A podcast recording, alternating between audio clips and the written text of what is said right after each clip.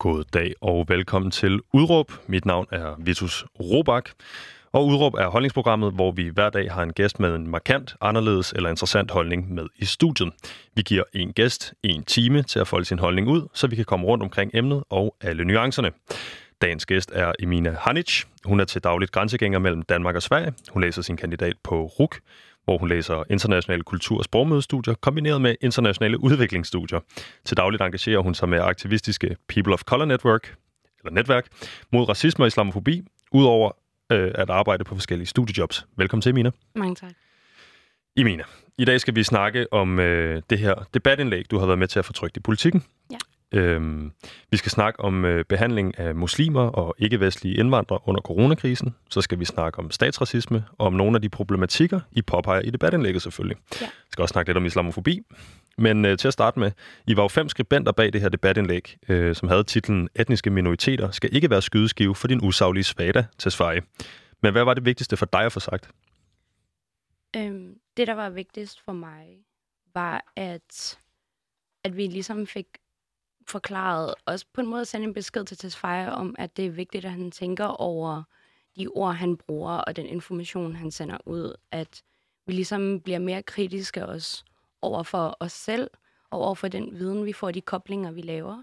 Og det var, jeg tror, det, der ramte øh, mig selv allermest, var den her med, at han koblede øh, religion til spredning af coronavirus og den her overrepræsentation af minoritetsetniske på sygehusene. Og det blev ligesom en løftet pegefinger frem for medlidenhed, hvis man kan sige det på den måde. Ja. Øh, I forbindelse med det religion, øh, så er du jo af bosnisk herkomst og øh, muslim. Ja. Det er rigtigt. Øh, så det klinger måske også lidt hul i dine ører, når du læser den. Øh, Ja, selvfølgelig. den udmelding. Ja. Øhm, jamen som sagt, så blev der for nylig trykt det her debatindlæg i politikken. Det er dig og, og fire af dine veninder, du kommer ind på det her. Øhm, det hedder, etniske minoriteter skal ikke være skyde skive for din usaglige svagter til Sverige, og du er selvfølgelig medforfatter på det indlæg. Øhm, en af de anklager, I kommer med i indlægget er, øh, og jeg citerer, det er usagligt og øhm, Mathias Tesfaye er med til at radikalisere majoritetsdanskere til fremmedfjendskhed over for danskere af ikke-vestlig herkomst, muslimer såvel som ikke-muslimer. Udover den pågældende anklage snakker I også om en generel uretfærdighed for ikke-vestlige danskere, og at uligheden øh, skyldes en logik baseret på en racemæssig stereotypificering af indvandrere. Helt kort, er øh, den siddende minister med til at radikalisere danskerne? Ja, Det er han i hvert fald. Øhm, og radikaliseringen, den ligesom begrundes på, at vi er en gruppe mennesker, der bliver anset som værende en faktisk en homogen flok, selvom at vi er meget en divers gruppe, og vi har forskellige øhm, hvad kan man sige, etniciteter, vi har forskellige kulturer osv. Og selv den måde, vi fejrer ramadan på, er forskellige fra person til person, familie til familie. Og den her højere radikalisering, kan man sige, øhm, mod, eller af danskerne, den går imod os på en eller anden måde, hvis man kan sige det på den måde, fordi at han fjendegør os. Han gør os til de her farlige mennesker. Altså, vi har set den her gradvis øh, eller øget højere radikalisering af politik øh, de seneste par år, specielt siden 2015, hvor at grænserne blev rykket for, hvad man havde lov til at sige, og hvordan man havde lov til at udstille folk. Øh, så det har været meget altså, svært for os, føler jeg, også som minoritetsetniske, specielt unge, at få en stemme, fordi at der er blevet opstillet den her narrativ om, at det er sådan, vi er, og det er baseret på vores etniske identitet eller vores religion, frem for alle mulige andre faktorer, der også spiller ind. Så højere radikaliseringen føler jeg foregår mere på den her med, at, jamen, at danskerne pas på, skal passe på sig selv, fordi at vi kommer efter dem. Vi kommer og sprede coronavirus, eller vi kommer og skabe kriminalitet. Vi kommer og gøre ditten og datten. Men i virkeligheden, så prøver vi også bare på at passe på os selv. Og når du nævner den her højere radikalisering, hvad er det så, du mener med det? Er det de her anklager, du kommer med? Jamen, en høj... Jamen, ja, det er det faktisk. Men det, jeg også mener med en højere radikalisering, er også det her med, at etnicitet begynder at spille en større rolle for, hvordan vi læser folk i det danske samfund.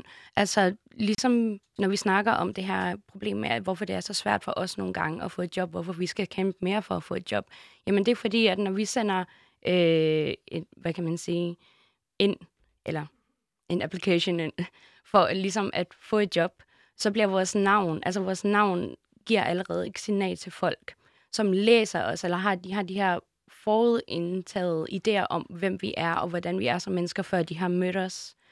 Øhm, og der bliver den her idé om, jamen, at etnicitet spiller en rolle, at religion spiller en rolle, og at vi er ligesom den dårlige etnicitet. Vi er sådan de ikke rigtige mennesker. Vi gør ikke tingene på den rigtige måde.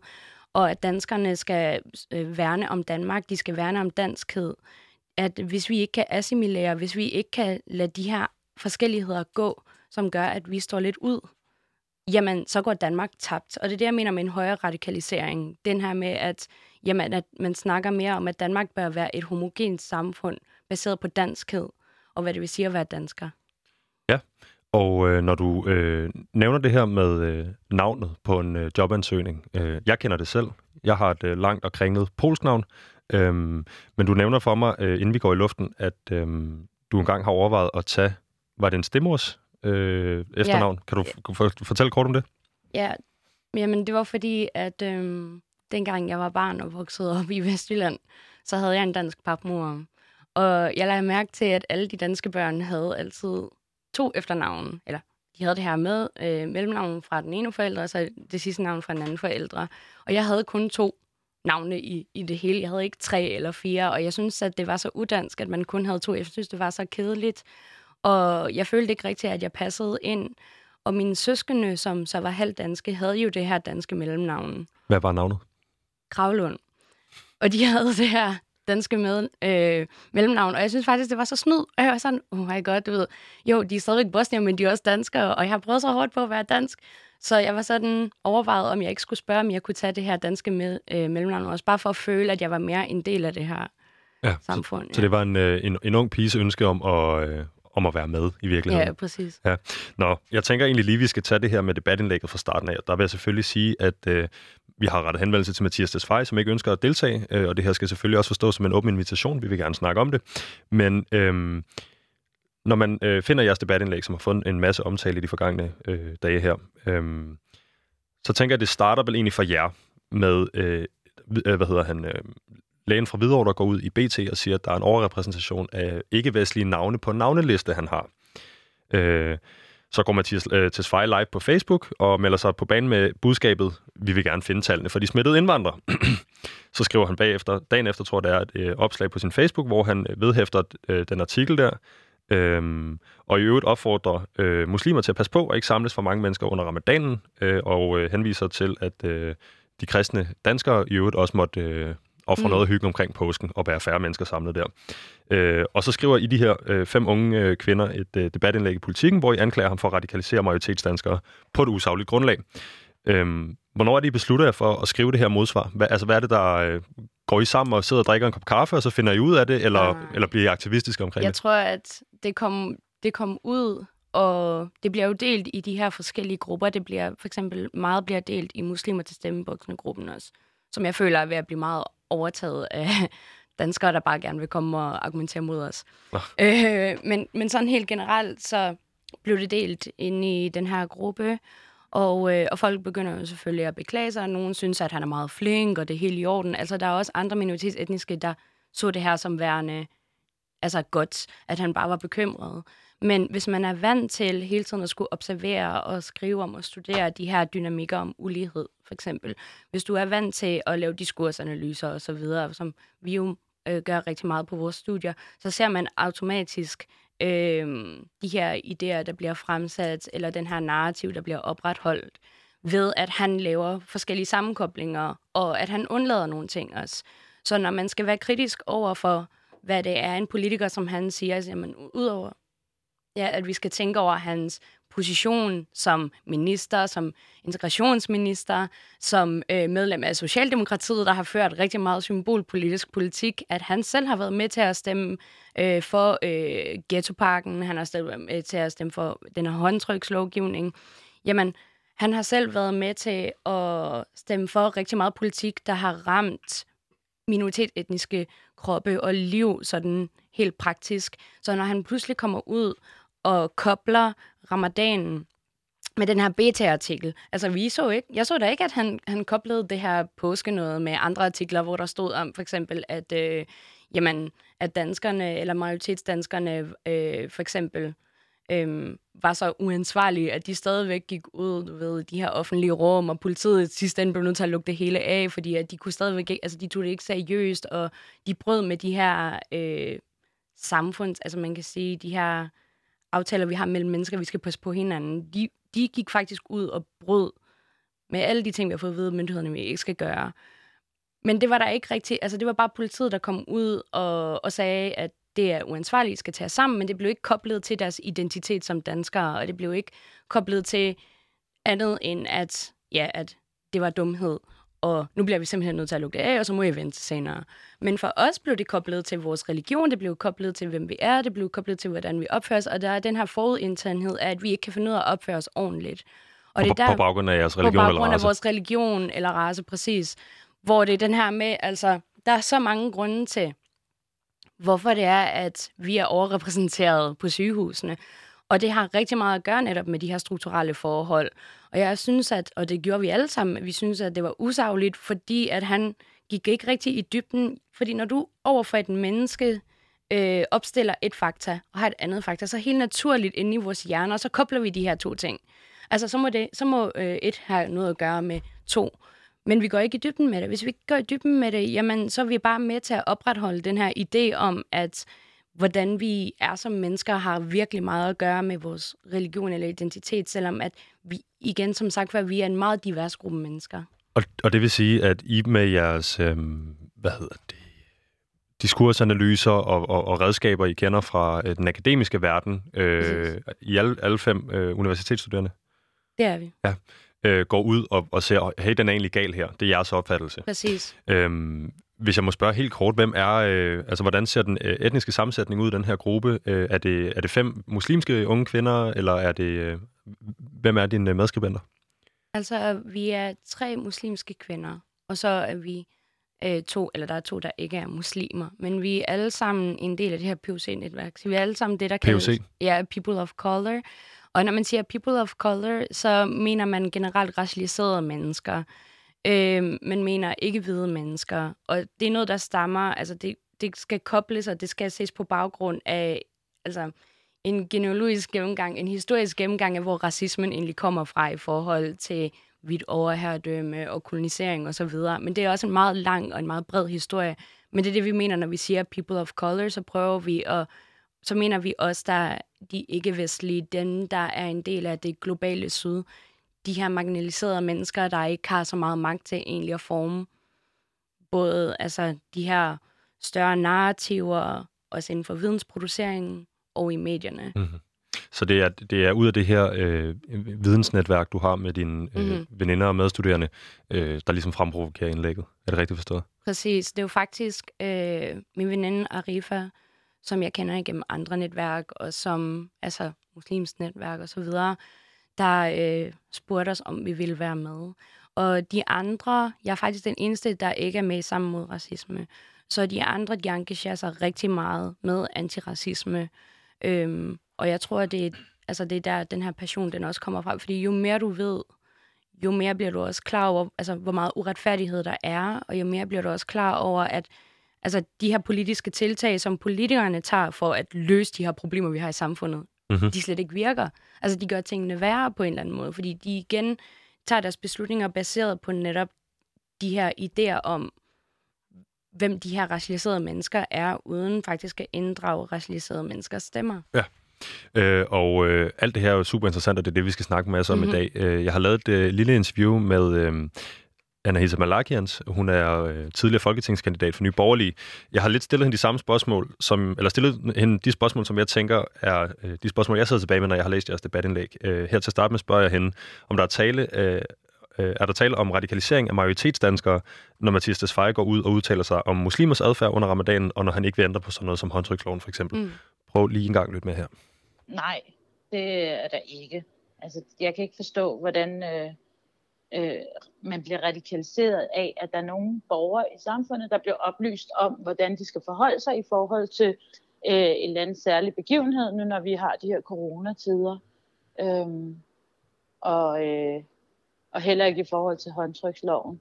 Det er en lov, der er der, og man fjerner bare ikke alle mulige love, fordi der lige pludselig opstår en anden øh, situation, som er midlertidigt.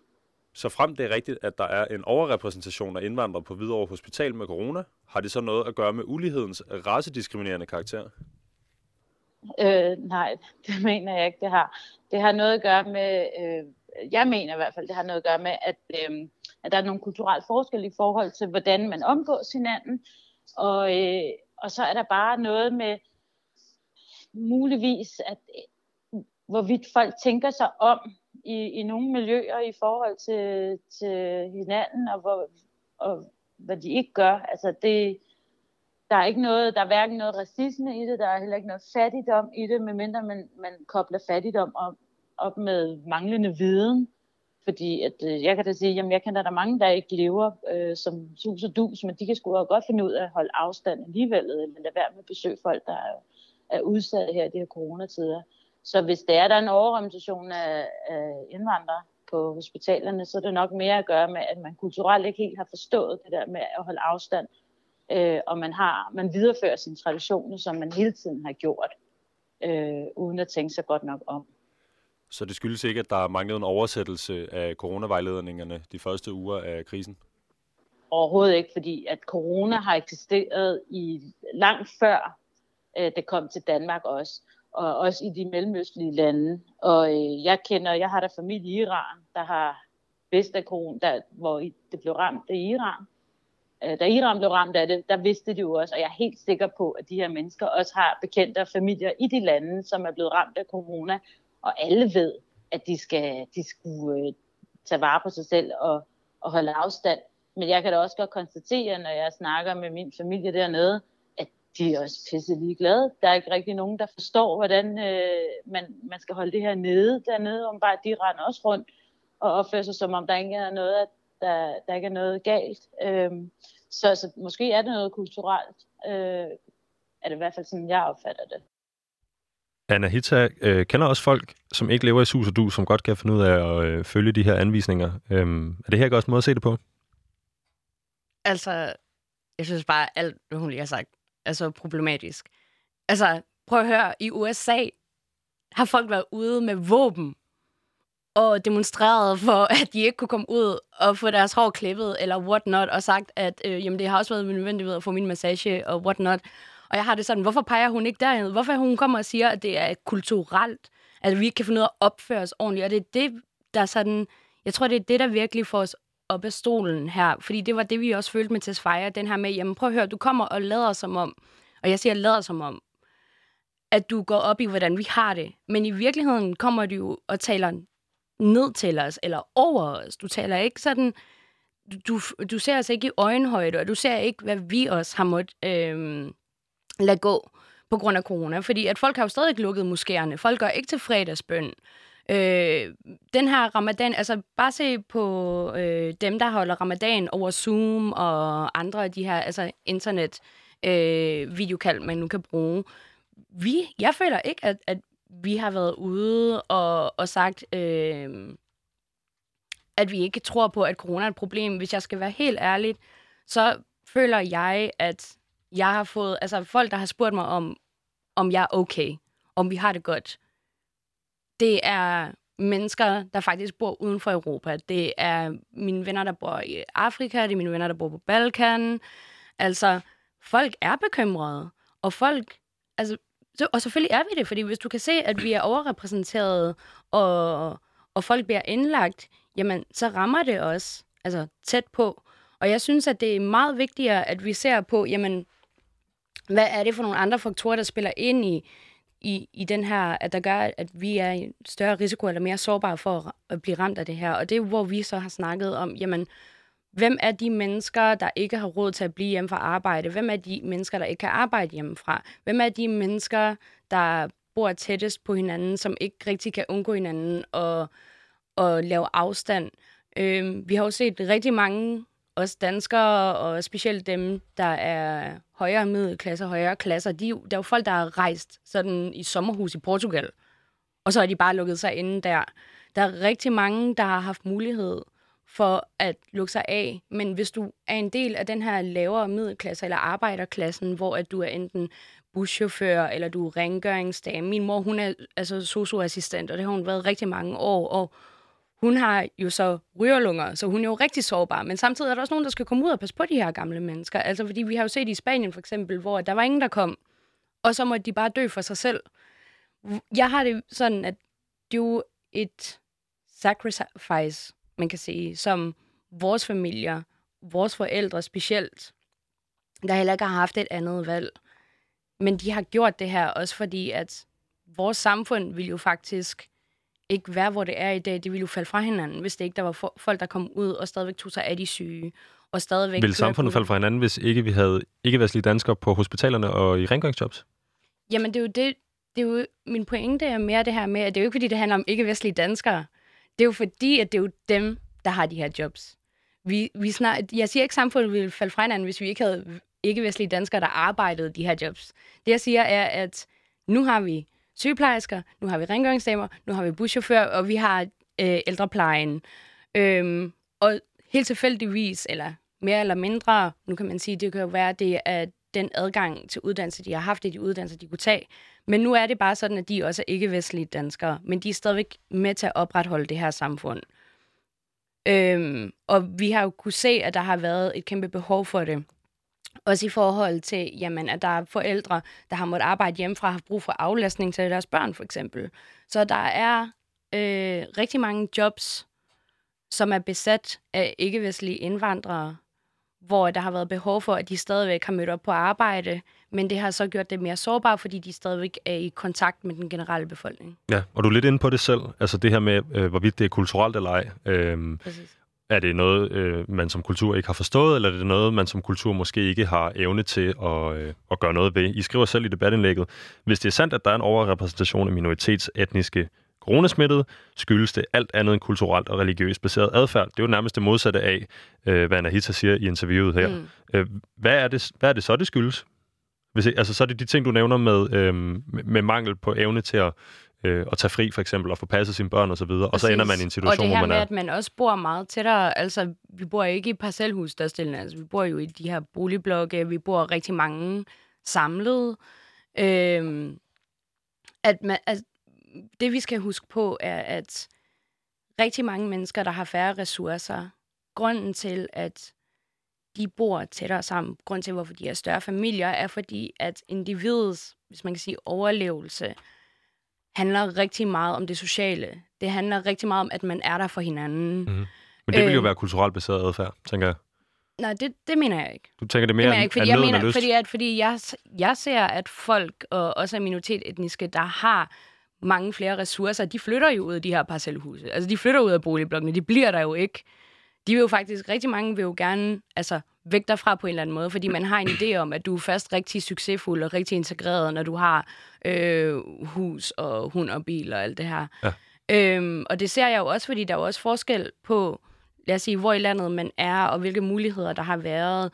Øhm, rigtig mange af os, der er vokset op i for eksempel Jylland og i de her mindre samfund, jamen, jeg ser også, at der er selvfølgelig nogen, der stadigvæk bor tæt samlet i de boligblokke, der nu er, men derude, hvor at jamen, så er man kommet tidligt ud på arbejdsmarkedet, og så har man måske kunne spare op, og du ved, man har gjort rigtig meget for måske også at assimilere sig selv, at man har gjort meget for at blive en del af det her samfund, og det har måske åbnet nogle flere døre, men man har så også skulle give afkald på nogle ting. Altså, min far snakker rigtig meget om hyggeracisme. Altså, men, men så siger han så til mig, fordi når jeg spørger ham, hvorfor, hvorfor tager du stadigvæk det? Altså, hvorfor tolererer du det stadigvæk? Og så siger han, fordi, Emina, her, ja, okay, de kan kalde mig p de kan kalde mig whatever, men tilbage, hvor jeg kom fra, der skød de efter mig. så jeg sådan... Så, men, så jeg forstår godt folk som min far. Jeg forstår godt, hvorfor det er, at man har givet afkald på nogle øh, ting af sig selv, og hvor man har holdt den del af ens kultur inden døre, for at virke som om man er meget mere del af det her homogene samfund, i de her små samfund. Men det, jeg har set der, er, at minoritetsetniske derude er meget hurtigere til at give slip på nogle dele af sig selv, for at være en del af det her, der åbner dørene til netop, man kan have hus mm-hmm. og have og bil og så videre. Øh, fordi at man har ikke haft det her netværk. Det er det, jeg har manglet som barn. Mm-hmm. Jeg har manglet, at jeg har haft nogen tæt på mig, som har kunne forstå, hvad jeg gik igennem andre bindestrejsdanskere, eller hvad man kalder os. Det har jeg ikke haft. Og jeg følte, at det var en vold mod mig, at jeg fik hele tiden at vide, du ved, den her med, åh, hvor taler du så godt dansk, og og, eller hvor, hvor jeg sprog mærkeligt, eller hvis jeg inviterede nogen hjem, at vores, vores hus lugtede mærkeligt, eller de ikke kunne lide vores traditionelle mad. Alle de her ting, hvor jeg hele tiden skulle påpeges. Altså, så var jeg ligesom, så var jeg en god indvandrer, så var jeg en del af dem, og så snart jeg gjorde noget galt, så var det fordi, at jeg ikke er opdraget ordentligt, og det er en del af vores kultur. Altså, hvis der var nogen, der kom og kaldte mig p eller kaldte min mor en luder, eller virkelig, det skete rigtig meget. Altså, jeg blev spyttet på. Jeg har fået så meget bank for at være p Og på et tidspunkt, så slår du igen. Og du når til det her punkt, hvor, altså, hvor du bare ville ønske, at det ikke var så vigtigt, hvor du kom fra, og folk ikke hele tiden brugte det som våben imod dig. Og, jeg har, og derfor forstår jeg godt, hvorfor folk samles. Altså for eksempel her i København i, i visse dele, fordi det bliver et safe space for dig. Men samtidig, så handler det også om det økonomiske. Altså, du vil gerne bo, hvor, der, hvor du har råd til at bo, og du vil gerne bo, hvor du er tæt på din familie også. Det tror jeg faktisk, at os danskere har, har det med. Altså, når jeg er i Sverige og snakker med de her danske kvinder, der har måttet flytte til Sverige på grund af den mand, de elskede, eller mænd, der har måttet flytte på grund af de kvinder, de har elsket, så, så siger de altid, at jeg savner min familie. Jeg savner min familie, jeg savner min familie, jeg vil gerne tilbage og bo i København, jeg vil gerne tilbage og bo i Danmark, for jeg vil gerne være tættere på min familie de følelser har vi også. Vi vil også gerne være tættere på vores familie. Så jeg føler, at når du føler, at hele samfundet er imod dig, og at tingene er lidt svære, så er det ret, at du bare kan komme hjem. Så er det ret, at du kan være i et område, hvor folk ikke kigger på dig anderledes. Hvor folk ikke hele tiden stiller spørgsmålstegn ved de ting, du gør, og prøver at koble det til noget, der egentlig ikke altså, har noget at gøre med den måde, du opfører dig på. Mm-hmm. Giver det mening? Ja, 100 procent, og øh, det, er jo, det er jo en, hvad kan man sige, man kan jo ikke anfægte din personlige oplevelse af, hvordan det har været at være øh, bosnisk dansker øh, i Vestjylland eller øh, i København osv. Mm. Øhm, men det, jeg tænker, det er for at få lytteren med ombord her. Øhm, på mange måder, Emina, så er du jo personificeringen eller lemliggørelsen af dansk udlændingepolitik, hvis man kigger øh, 25-30 år tilbage i tiden. Øhm, jeg ved nemlig, at du er øh, 26 år gammel, mm. og du bor i Malmø. Og på grund af 24-årsreglen, øh, eller det er grund til, at du bor i Malmø, øh, i øvrigt, så er du født på et asylcenter, og øhm, der kan man sige, altså det er jo ligesom øh, de, de, de, hele pakken af de ting, der har været op i øh, vælten i politik, øh, udlændingepolitik i Danmark, øh, asylcenterpolitikken og øh, håndtryksloven, mm. som vi kommer til at snakke om lidt senere, 24-årsreglen, de her ting. Altså, hvad har, hvad har været din oplevelse af, af ligesom at komme til Danmark på den måde og, og blive født i asylcenter? Altså, jeg ved ikke, hvordan jeg skal forklare det. Det er ikke noget, jeg tænkte over som barn jo, fordi jeg blev bare født der, og så er jeg vokset op. Og så, så dealer du med de ting, der kommer din vej i løbet af din opvækst, og du tænker, at alt det her det er normalt, indtil du bliver ældre, og du bliver lidt træt af de her mikroaggressioner, som jo er... En mikroaggression, det kan for eksempel være altså min, min klasselærer i 8. klasse, der lige pludselig kommer og siger, efter vi har haft en anden test, ej, men det er jo faktisk ret sjovt. Altså, øhm, Emina, hun er den bedste til dansk på hele årgangen. Men hun er den eneste, der ikke er dansker. Og jeg er sådan, altså hvad havde du regnet med? Jeg er sådan bilingual, jeg taler faktisk flere end to sprog. Hvorfor skulle jeg ikke være god til dansk? Jeg er vokset op her. Det er den her med, at igen, den her forudindtagelse af, at du ikke er lige så klog som alle de andre, og du ikke kan finde ud af tingene, du ikke er så, så god til normerne, du forstår ikke humoren ligesom alle. En mikroaggression kan være, når jeg er på arbejde, øh, på Marienløst, og at en af gæsterne kommer og siger, Nå, nå, okay, så du er bosnier. Jamen, så forstår du jo heller ikke den danske humor så godt jo. Hvad har det at gøre med noget som helst? Det er sådan nogle ting. Men, øhm, så det kan være øh, noget, en øh, vanlig dansker, der måske er blevet præsenteret så meget for øh, udenlandske kulturer, så kunne jeg forestille mig, at den lærer der i udgangspunktet måske har tænkt det som et kompliment. Se, hvor flot Emina, ja, der har andre og svære vilkår end andre for at lære sproget, præcis. har klaret sig bedre på testen. Præcis. Men i virkeligheden, så altså, viser det jo bare, at hun regner med, at jeg ikke er lige så meget i stand til at kunne lære dansk, til trods for, at jeg jo har lært dansk lige siden jeg startede i dagpleje, og der var jeg et år gammel. Så hvorfor skulle jeg ikke kunne være i stand til det? Vi ser jo folk, der taler sprog flydende efter bare to år i Danmark, så er der rigtig mange, der kan. Så det har jo ikke... Folk tror, at vores kompetencer og det hele er baseret på netop en, et eller andet billede, de har om, hvor civiliseret vores kultur er, der hvor den kommer fra og så videre. Det er noget, der ligger i vores gener, og det er det jo ikke. Vi ser jo også, at der er mange danskere, der ikke kan ordentligt dansk, altså med anførselstegn. Øh, men så er det måske, fordi de er ordblinde. Så det har intet at gøre med, med de her ting. Altså, specielt når du er anden generations. Og jeg tror, at det har faktisk ikke berørt mig så meget, det her med, at jeg er født på et asylcenter. Det, der har berørt mig så meget, er, at det har betydet noget for dem omkring mig. Men måske ikke for dig selv, eller hvordan? Ja, ikke for mig selv. Altså selvfølgelig så fø- føler jeg en stor sorg. Øh, fordi jeg føler mig som det, der hedder altså en displaced person. Jeg føler mig som malplaceret i den her verden. Jeg føler mig som et produkt af krig. Det er selvfølgelig en helt anden historie. Men, det, men fordi at vi har alle de her barriere i Danmark, og strukturelt, nu er det ikke alles forældre, der er jo kommet af krig. Der er jo også rigtig mange, for eksempel øh, pakistanere og tyrkere, hvis, altså, hvis bedste forældre jo er kommet på grund af arbejde. Men, men det er jo også altså, det samme i sidste ende. Det, de jo er taget fra, har jo været, øh, hvad kan man sige, et liv, de føler, der ikke har været, øh, ikke nødvendigvis det værd, men men man kan sige, et, hvor de ikke har kunne se en fremtid. Og så har de så måtte tage til Danmark, hvor de kunne se en bedre fremtid. Ja, og der vil jeg da gerne lige spørge om noget, fordi øh, født på et asylcenter, så må jeg antage, at du enten er øh, også lavet på et asylcenter, eller lavet et sted nede øh, i Balkanlandet, og så fragtet til øh, Danmark i maven. Det er noget af den stil i hvert fald. Ja. Så øh, ved jeg også, at du har et bredt netværk i de her people of color-grupper og kender folk øh, fra alle mulige steder i verden. Du er ikke ligesom øh, bundet af, af dit Nej. danske fællesskab. Hvordan tænker du, øh, det er måske svært at bede om en karakter, men hvordan har Danmark klaret det, hvis du kigger på andre, øh, andre lande, der har taget øh, immigranter ind? Altså, nu kender jeg ikke til alle andre lande. Øhm, jeg vil gerne være ærlig og sige, at jeg kan altså bedst tale på vegne af, hvordan det er at vokse op i Danmark, men jeg kan selvfølgelig se på Sverige, at det er lidt anderledes. Øhm, jeg føler, at når jeg ser på Sverige, at til trods for, at de har nogle problematikker, for eksempel når de kommer og påstår, at de er farveblinde, hvilket jo er en kæmpe løgn, fordi der er ingen, der... Altså, du kan ikke være farveblind. Vi ved jo alle sammen, at du har en idé om det her menneske. Vi ved altså, når du ser, at en person har en anden hudfarve, som for eksempel min mand, der er sort afrikaner fra Nigeria, han har en anden hudfarve, og han bliver altid læst anderledes, end jeg for eksempel vil gøre. Og mm. det er uanset, hvad deres politikere siger, hvad de siger, jeg er farveblind. Fordi at så er det også på en måde minimere den sociale oplevelse, folk har i den krop, de nu har. Øh, Må jeg så men, spørge dig men, øh, bare lige hurtigt, ja. hvor, hvor, er, hvor er grænsen? Fordi hvis det på den ene side er mikroaggressioner, når en lærer øh, fejlfortolker et, et, et, Øh, hvad hedder det, øh, kompliment, og det på den anden side øh, heller ikke skal være helt fagblind, for ellers så anerkender man ikke folks baggrund og kultur. Hvor, hvor øh, for sådan en som mig for eksempel, hvor skal jeg, hvor skal jeg ligge mig? Hvor, hvor undgår jeg mikroaggressionerne samtidig med at respektere kulturen?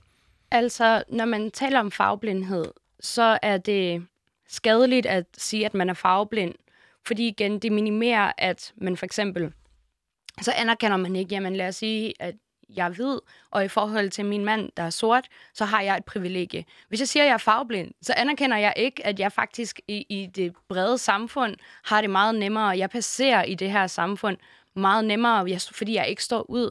Og og den forståelse, forståelse med at passere skal ligesom baseres på både det her med, at der er et stigma. Jamen, hvis jeg siger, at jeg er fagblind, så anerkender jeg ikke, at der er et større stigma, øh, den her større generalisering, eller man kan sige reduktion af min mand som, som den han er, til bare ikke at være andet end hans hudfarve for mennesker, der ikke kender ham, så anerkender jeg ikke, at jamen, han skal navigere samfundet på en anden måde, end jeg gør. Fordi at samfundet, specielt hvis man bor i Vesteuropa, og også bare i den vestlige verden, er konstrueret til altid at, øh, hvad kan man sige, give fordele til folk, der er mere lys i huden, folk, der er hvide, folk, der har blå øjne og, og er blonde og har en mere vestlig kultur, og som er kristne for eksempel. Øhm, fagblindhed anerkender ikke, at der er en ulighed i det her samfund, der ligesom er baseret på de her konstruktioner, der kommer helt tilbage fra kolonitiden af. Og jeg siger kolonitiden, det betyder ikke, at folk ikke har været fordømmende, og folk ikke har sagt også dem før kolonitiden. Grunden til, at jeg siger det, er fordi, at racismen kommer af kolonitiden. Det er en ideologi, der blev lavet til at, ligesom at undskylde øh, den måde, man har behandlet de folk, man har koloniseret. Det har været en undskyldning for at altså, dehumanisere folk til sådan en grad, at man har gjort dem til objekter for økonomiske, øh, hvad kan man sige, ventures eller eventyr, og det her med, at altså hele den her industrialisering i Europa, der ligesom også har været et produkt af det, ikke? Frem, Men hvordan skal man navigere? når man skal navigere præcis, det er jo det, jeg vil komme til, ja. Så det er derfor, det er vigtigt, at vi anerkender historien. At vi anerkender, at farve betyder noget, fordi det, det, altså, det, det er formet den måde, vores verden er på i dag. Det har formet vinder og tabere. Der er en grund til, at Vesten er mere udviklet end resten af verden.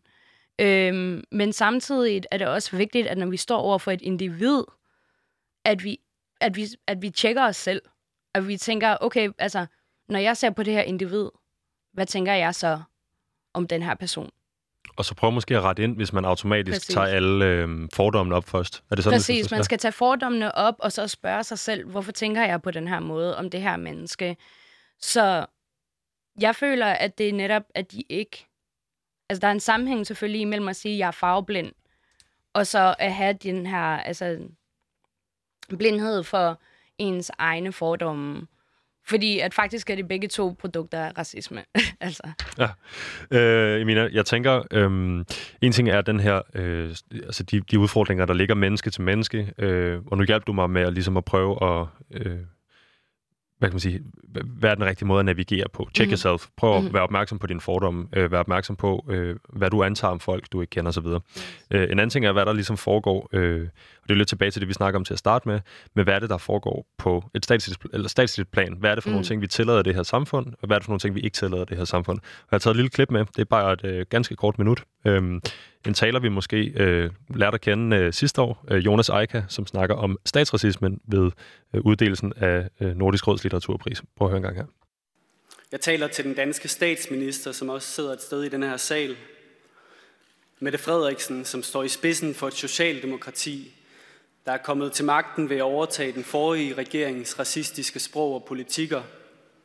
Mette Frederiksen, som kalder sig for børnenes statsminister, men fører en udlændingepolitik, der splitter familier ad, gør dem fattige og udsætter både børn og voksne for en langsom, nedbrydende vold i landets såkaldte udrejsecentre. Luk Sjælsmark, luk Kærshovedgård, luk Ellebæk, afskaf hele lejrsystemet.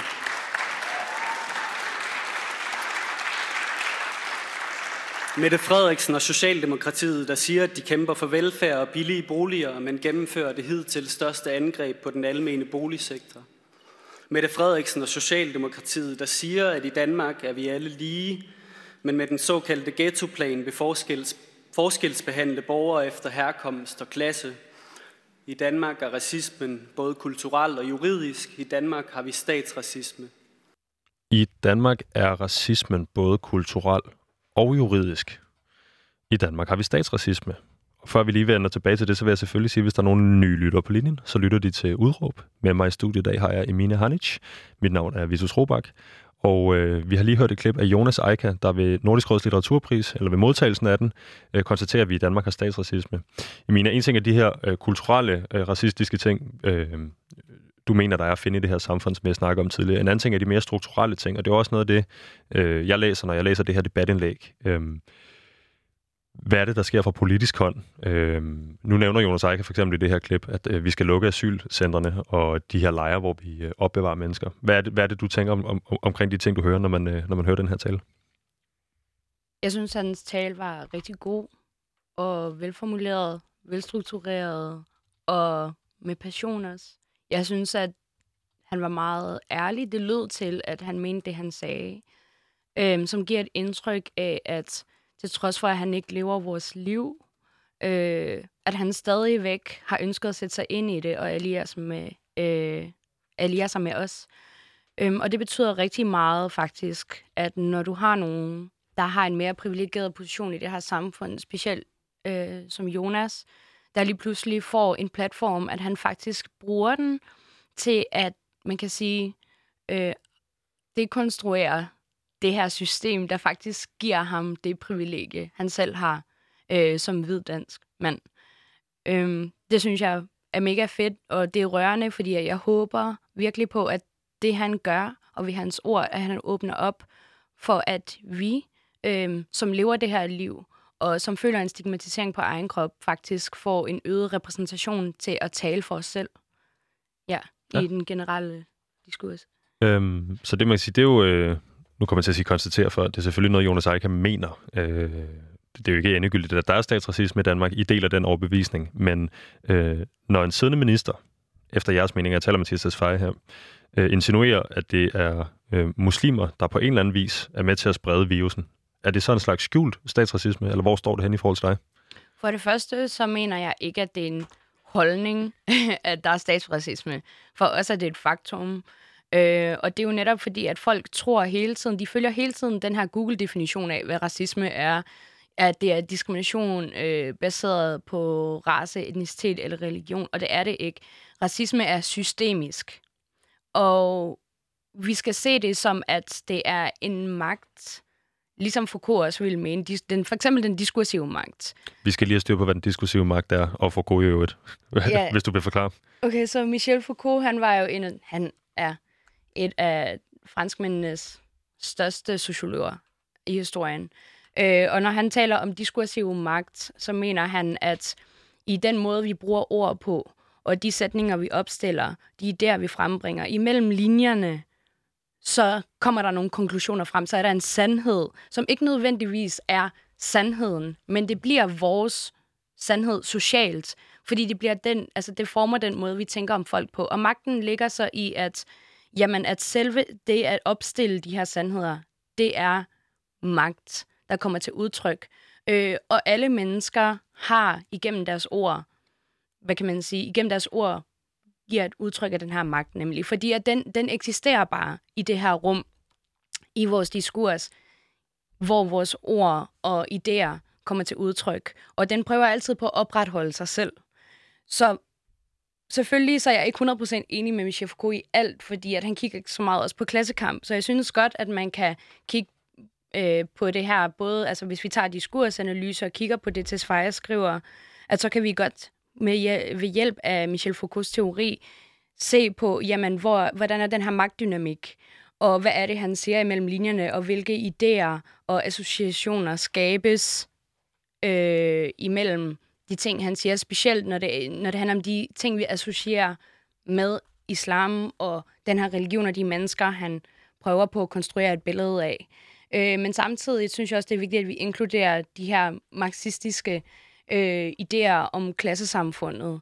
Øh, fordi at vi netop også snakker om det her strukturelle, strukturelle hvor at, jamen, racismen er meget med til at opretholde det her klassesamfund, fordi det er med til at holde nogle folk nede, ligesom de har mindre muligheder, fordi de bliver set på på en bestemt måde. Når vi så har den her statsracisme institutionelt, på den måde, hvor at, jamen, du har ghettoplanen, du har håndtrykslovgivningen, øhm, du har sjælsmark. Man kan sige, at jamen, når vi spørger os selv, hvorfor er det, vi har den her håndtrykslovgivning? Og hvorfor er det, at de her asylansøgere på sjælsmark er afvist? Hvorfor skal de sendes hjem? Hvorfor er det ikke mennesker, der har lov til at være her?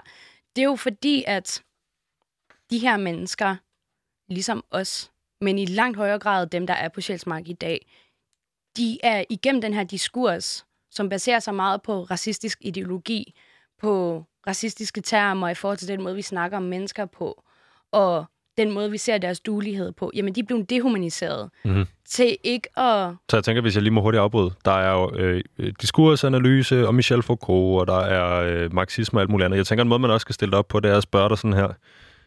Hvem har mest magt i sin stemme af en siddende minister og dig? Det har den siddende minister. Hvem har mest magt i sin stemme af dig og en afvist asylansøger? Det har jeg. Så det er den slags klasseinddeling af samfundet, du taler om? Præcis. Ja. I forhold også til ressourcer. Så der er selvfølgelig meget sociologi i det her. Vi kan også godt snakke om Bourdieu og... Jeg vil hellere snakke om den håndtrykslovgivning der, for jeg tænker, det, det er helt vildt interessant at høre dig. Øhm, hvad tænker du fordelen ved sådan en lovgivning kan være? der er ikke nogen fordel. altså, jeg ser ikke nogen fordel. Hvad, hvad skal det betyde? Altså, fordi at det, jeg ser, det er tvang. Og på den måde, når du... Altså, faktisk så ser jeg det ikke engang som tvang. Så ser jeg det som vold. Fordi i det hele taget, altså, hvad taber det danske samfund på, at en person, der skal have øh, dansk statsborgerskab, ikke giver håndtryk? Intet. I virkeligheden ved at give en person dansk statsborgerskab, føler jeg, at Danmark som nation vinder. fordi at du har den her, øh, hvad kan man sige, human resource, du ved, den øgede human resource. Et menneske, der kan gå ud og lave flere investeringer, både i sig selv. Hvis et menneske faktisk har flere rettigheder, og kan få lov til at gå ud og investere mere i sig selv, og få en øget kapital, både øh, økonomisk og kulturelt, jamen, så skal samfundet også bruge mindre penge på den her person. Og det er derfor, at det nogle gange ikke giver mening, når det er, at Tesfaye snakker om, at han går ind for den her altså, klassekamp, og at vi skal ad, øhm, afskaffe den her ulighed, der er imellem klasserne. Men samtidig så hopper han også på den her, hvad kan man sige, vogn med, at vi samtidig skal dehumanisere mennesker, at der er nogle mennesker, der ikke har ret til, til de her ting. Altså, der er mennesker, der stadigvæk er en del af underklassen, men på grund af den her øgede racialisering, hvor de bliver dehumaniseret, hvor at de bliver til de her objekter for en større narrativ, der skal opretholde den her idé om, at der er nogle mennesker, der bare ikke passer ind i det her samfund, jamen så cutter vi allerede, altså for det første, så afskærer vi dem fra at have en stemme, mm-hmm. at tale på deres egen vejen, ligesom at sige, hvad har de brug for?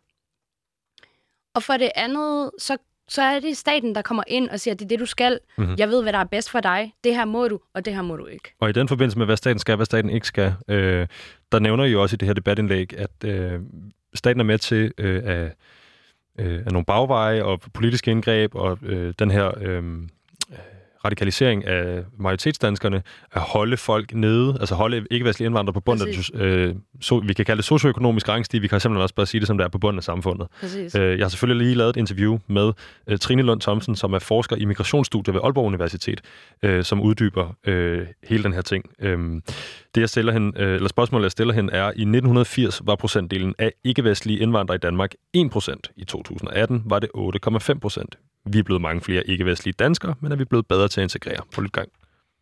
Ja, det er jo øh, det er et rigtig godt spørgsmål, og, øh, og jeg må øh, så svare både ja og nej til det. Øh, fordi det kommer blandt andet an på, hvordan man måler integration. Øh, på nogle måder kan vi sige, jo, der er vi, øh, der er vi blevet bedre. Øh, andelen af ikke-vestlige øh, indvandrere øh, på arbejdsmarkedet, selvom det så også svinger afhængig af konjunkturerne godt nok. Øh, de er typisk en, en ret, en ret, hvad hedder de, sådan udsat gruppe, som, altså, som bliver nemt vil blive påvirket, øh, hvis der sker nogle, nogle ændringer, eksempelvis som med finanskrisen. Øhm, men øh, når det så er sagt, så, øh, så ja, som jeg siger, både ja og nej, fordi også ja, at det, at det øh, i uddannelsessystemet og så videre, så er det selvfølgelig også lært at de erfaringer, øh, som, som man har gjort sig over tid i forhold til, hvordan man øh, både modtager og, øh, og integrerer øh, øh, elever, øh, unge, børn af, af anden øh, etnisk baggrund, og ikke mindst øh, ikke vestlig øh, baggrund. Øh, Øh, når det så er sagt, så, øh, så er der også, øh, så hvor vi kan se, nej, her kunne vi faktisk godt gøre det bedre, især hvis vi begynder at sammenligne os med for eksempel Sverige, øh, hvor at, at der stadigvæk er en, en, en, en, en relativt stor forskel i forhold til, hvordan at, øh, at, at, at samfundet inkluderer øh, øh borgere af øh, ikke-vestlig øh, baggrund. Og, øh, her hænger det blandt andet også sammen med, hvordan man øh, forstår øh, ja, selve forståelsen ved integration. Hvad vil det sige at, at integrere? I selve ordet betyder jo faktisk, at det er en gensidig tilpasning. Øh, men hvor man kan sige, at integrationen i Danmark er jo mere baseret på en asymmetrisk tilgang, altså hvor det er dem, der kommer udefra, der skal tilpasse sig øh, vores samfund, vores kultur osv. Øh, så der er også nogle, nogle dimensioner i det, som gør det, øh, som, som gør det sådan mere komplekst i forhold til øh, at snakke om øh, integration, og ikke mindst, hvor vellykket er vi med, med integrationen. Okay. Hvis vi kigger på øh, løn, lønudviklingen øh, og går ja. for eksempel 30 eller 40 år tilbage, hvordan ser lønudviklingen så ud blandt ikke-vestlige indvandrere? Jamen altså, den er faktisk, øh, den, den er faktisk øh, blevet øh, bedre øh, med tid. Altså man kan se, at, øh, at der, der, er sket, øh, der er sket nogle forandringer, øh, som, som og der er selvfølgelig også noget i forhold til øh, erfaring på arbejdsmarkedet og arbejdsmarkedserfaring med, øh, med, øh, med arbejdstager med en, en ikke-vestlig baggrund i forhold til, øh, hvorvidt at de øh, er i stand til at påtage sig de stillinger og de arbejdsfunktioner, som, som nogle gange er, og, og hvad det så lønmæssigt også er med til at, og, øh, at sætte den, øh, den. Det er jo igen en lang diskussion, fordi man kunne også begynde, at, og hvis man for eksempel snakkede om vestlige øh, indvandrere, så kunne der jo også være nogle, altså så er der jo især for eksempel i bygge- og branchen, ikke? Er, der, er der kæmpe store forskel. Øh, men det er jo sådan, noget, det er jo sådan en, en helt anden gruppe. Men altså, det, det, vi, det vi kan se, det er, at øh, jo, der er sket en, en, en positiv udvikling, men det er stadig øh, noget lavere blandt ikke-vestlige indvandrere. Øh, altså hvis man sammenligner med reallønsudviklingen blandt øh, ja. etniske danskere? Ja. Okay. ja. Og også hvis vi sammenligner med øh, vestlige indvandrere. Altså det er faktisk ret interessant med den, den øh, øh, det man kan se i forhold til, at, øh, at lønniveauet er, øh, er det lavest hos ikke-vestlige øh, indvandrere end hos vestlige, og, og den højeste er med dansk øh, oprindelse. Okay. Men det, der så er ret interessant, det er faktisk, at når man så begynder at kigge på køn, for eksempel også, så er løngabet faktisk det laveste, det blandt ikke-vestlige indvandrere.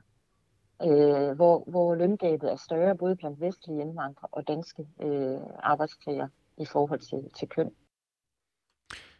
Emine, hun nævner jo det her med, øh, at vi både... Altså, jeg stiller hende spørgsmål, er vi, er vi blevet bedre til at integrere?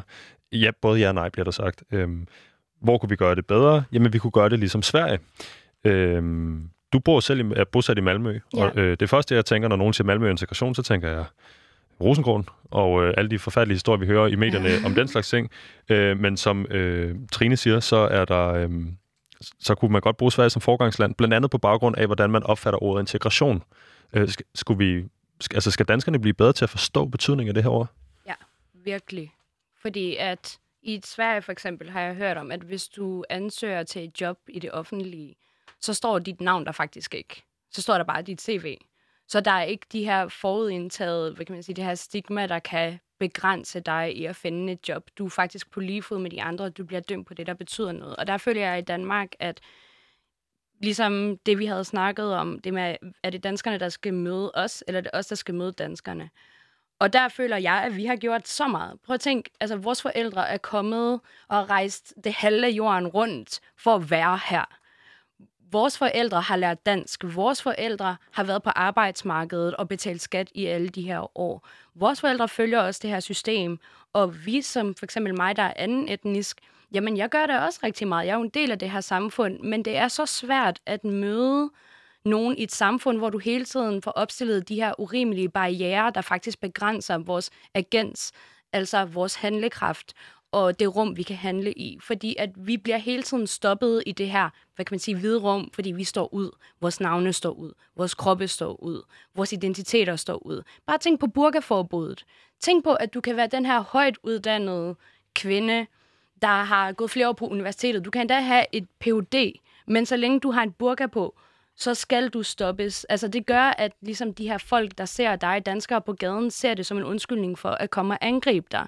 Fordi at systemet, ligesom racisme er systemisk, og systemet har sagt, at det er ved lov, at fordi at du er den, du er, fordi du identificerer med det her, fordi at andre er bange for dig, og andre har en idé om, hvad du kunne være, så må du ikke give udtryk for din egen tro, til trods for, at det faktisk ikke gør nogen anden ondt. Og jeg tror, at hvis vi skal have en meget bedre integration i Danmark, så skal vi afskaffe den her symbolpolitik, som for eksempel det her med burkaforbuddet, som ghettoplanen og som håndtrykslovgivningen. Ja, det er jo det her med, øhm, altså det, det første, jeg kommer til at tænke på, er så at sige, øh, jeg synes jo, det er fantastisk, at jeg er født og opvokset i et land, øh, som er så attraktivt for folk øh, uden for landets grænser. Øh, men hvor langt skal jeg gå for at sætte mig ind i, i fremmed kultur? Ganske kort, for vi er ved at løbe tør for tid. For at sætte dig ind i en fremmed kultur, skal du møde folk i øjenhøjde. Ja, det, det er godt sagt. Øh, og det er jo i virkeligheden nemt, og det kan man jo øh, på mange måder øh, gøre om og om, om igen, hver gang man møder nye, nye mennesker. Emina, tusind tak, fordi du gad komme forbi studiet i dag. Ja, selv tak. Tak for, at jeg komme. Det var skønt, og vi fik snakket øh, i dybden om øh, debatindlægget, og vi fik snakket om øh, Øh, dine holdninger øh, generelt til det her. Øhm, og øh, det blev lidt højpandet, men jeg synes, det, øh, jeg synes, det blev okay. Dagens program var øh, produceret af Rakkerpark Productions, og dagens producer var Thor Armbjørn. Mit navn er Visus Robak, og du har lyttet til Udråb.